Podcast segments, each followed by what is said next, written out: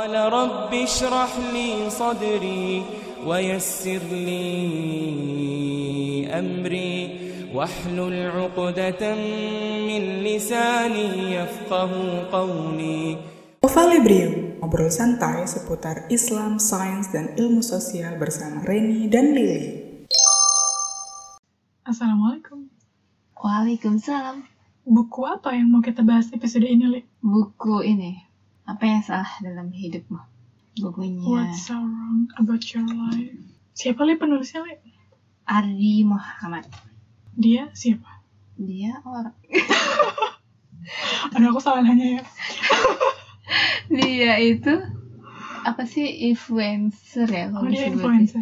Aku nggak tahu. Tapi tuh influ- aku tuh tahu ini tuh dari IG kalau nggak salah Ren. Ah, dia aktif di IG. Iya. Hmm. Terus tahu ini tuh dari ada penulis dari Wattpad namanya Alfi Sahrin. terus temenan sama dia. Terus kuliah tuh eh, kalau Alfi Sahrin tuh tulisannya tuh lebih kepada pengembangan mencintai diri sendiri gitu sih. Hmm. lebih ya halus lah lebih halus. Kalau ini menurut aku kata-katanya emang agak adjustment gitu kan. Hmm. banyak adjustment. Kalau Alfi Sahrin menurut aku lebih halus.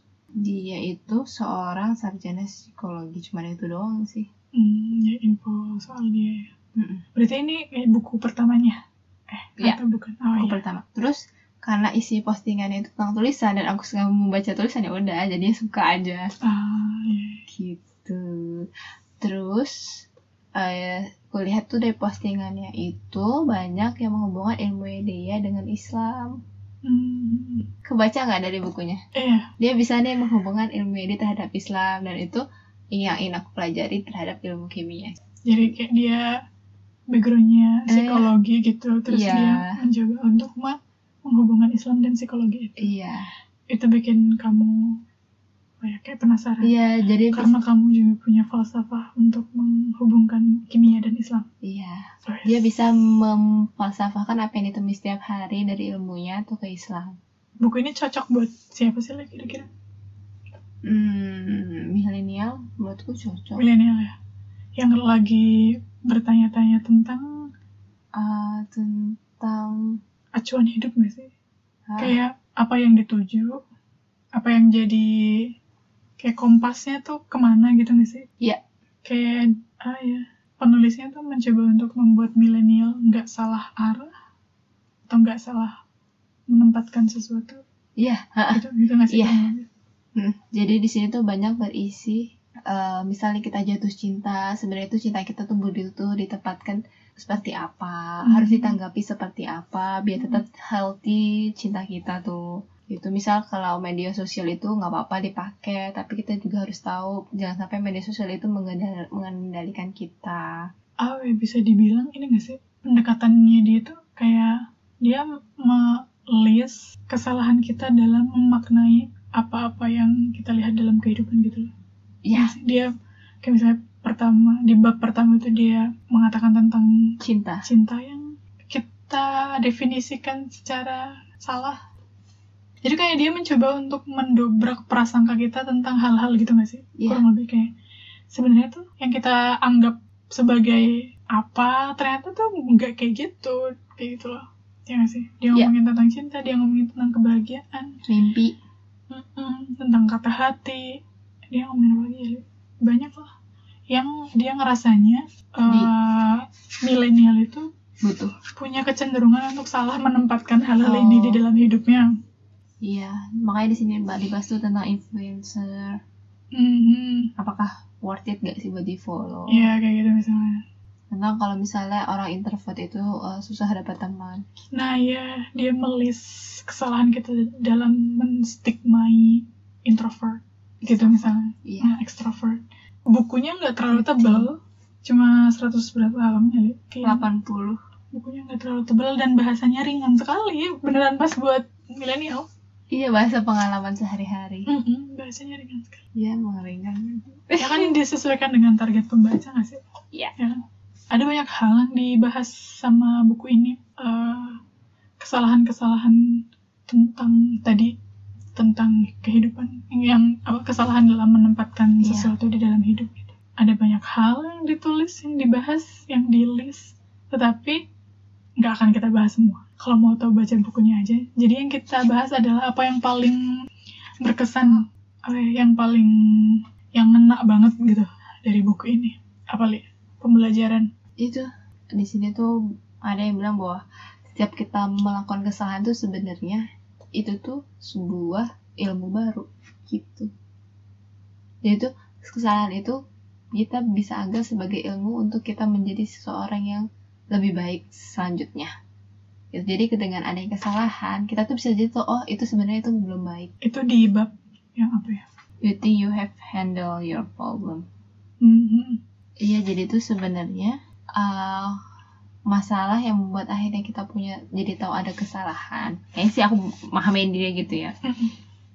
Jadi masalah itu yang akhirnya kita bisa tahu nih uh, karena ada kesalahan itu tuh bisa jadi sebuah ilmu gitu dari uh, cara bagaimana kita menganalisa masalah itu jadinya tahu ada kesalahan kayak gitu. Nah, karena dari kesalahan itu akhirnya kita tahu tuh ada ilmu di situ dan ilmu membuat kita melakukan suatu perubahan. Kan dia dari dari psikologi ini jadi jelasin nih dari dalam psikologi masalah itu sebenarnya kita kita masalah datang tuh kebanyakan kita tuh denial gitu. Oh, denial tentang Iya. masalah itu. Iya. Oh, padahal kita tuh banyak ngerasa kita baik-baik aja padahal tuh sebenarnya enggak. Oh, iya. gitu. Jadi sebaiknya kalau ada kesalahan, cara, cara paling mudah adalah kita menghadapi dulu masalah atau mengakui kalau kita ada masalah. Kayak kita misalnya diperiksa dokter, kan kita ada masalah nih. Berarti kan sebenarnya kita pasti ngaku dong dokter kita masanya sakitnya apa kayak gitu. Maksudnya dia seperti itu. Makanya dia bilang banyaknya kita tuh cara mengatasinya itu banyak yang salah karena sebenarnya kita tuh banyak kan kita langsung mengatasi dulu tuh tanpa kita uh, mengakui kayak kamu bilang kita harusnya mengakui loh uh, kita tuh salah di sini ya iya banyak ketika kita salah tuh kita banyak kan langsung keluar rumah atau apa pergi ke mana Hmm. terus head out, misal pergi sama temen dan lain sebagainya Mengalihkan Heeh. mengalihkan perhatian. iya Hmm. mengalihkan perhatian padahal sebenarnya harusnya dihadapi dulu diakui ada masalah gitu Terus apa lagi, Li? Uh, you think you should make your dreams come true You think you should make your dreams come true? yes I do think so. Dan itu masuk ke dalam list kesalahan.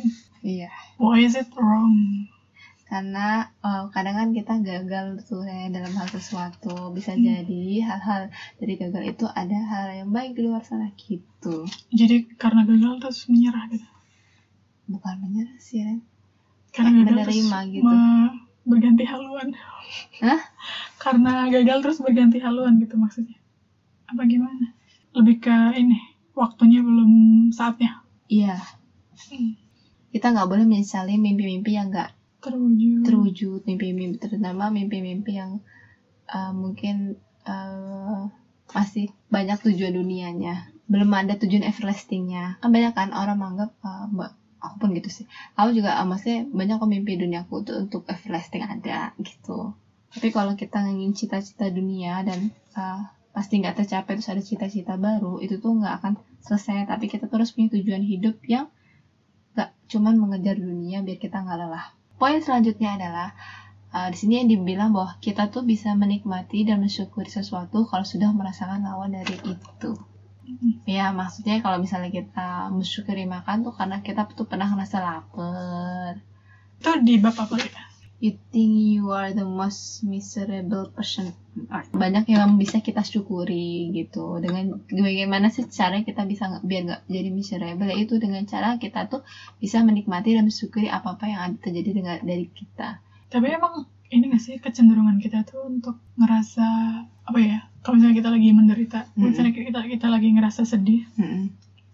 kita tuh apa ya muncul perasaan nggak ada nggak ada orang di dunia ini yang semenderita kita gitu, nggak ada orang di dunia ini yang sesedih kita gitu. Iya. Dan makanya eh, apa dia bilang the most miserable person on earth gitu. Padahal tuh ternyata begitu kita keluar sana dan melihat dunia, Mm-mm. ternyata yang kita rasakan kita sedih yang kita penderitaan kita itu belum seberapa gitu dibandingkan dengan apa yang dialami orang lain di luar sana gitu ya Le. Iya. Jadi kayak kecenderungan kita untuk membanding-bandingkan gitu nggak sih Iya. Di sini juga dibilang sih, eh, kayak kamu bilang, mungkin nggak sih? Dia, dia juga bilang mungkin karena semua itu masalah perspektif.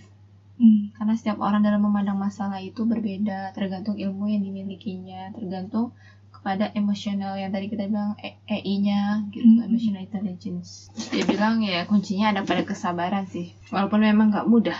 Makanya di sini dibilang ah, kita tuh harus selalu mensyukuri dan menikmati setiap yang terjadi pada kita. Karena itu kita tuh bisa tahu nikmatnya kenyang setelah merasa lapar. Jadi kita bisa jadi eh, kita tuh bisa mensyukuri itu kita harus melewati penderitaan itu. Ya nggak sih? Hmm, bisa. Kadang dari keterpurukan itu tuh kita akhirnya sadar kita tuh manusia yang lemah dan butuh pertolongan. Dan akhirnya kita bisa mengingat Allah. Pasti ada orang yang maksudnya yang dengan kejadian yang misal dia mengalami hal yang membuat dia menderita akhirnya dia lebih dekat sama Tuhan. Misal habis dipecat tuh akhirnya tapi tetap dia malah kok malah dekat sama Tuhan? Kayak gitu gitu padahal padahal orang melihat perspektif orang lain tuh kayak dia harusnya sedih loh gitu. Tapi kenapa dia menjadi lebih tenang lebih dengan dekat dengan Tuhan? Kan ada yang ngomong. Nggak ada yang tahu. Hmm. gitu. Buku ini ini Ali dibutuhkan dibutuhkan banget nggak sih sama milenial? Iya. Maksudnya kayak jadi acuan gitu loh acuan untuk apa ya agar tidak salah menempatkan segala sesuatu. Kayak nggak salah menempatkan media sosial dalam hidup kita gitu nggak sih? Iya. nggak salah menempatkan mimpi-mimpi dalam hidup kita dan mengartikan kesalahan. Kayak gitu nggak sih? Acuan-acuan. Iya itu sih poin-poin aku tadi iya ya kan aku merangkum. Iya tentang itu. Merangkum. Itu ya udah closing li sampai ketemu minggu depan. Insya Allah. Assalamualaikum. Waalaikumsalam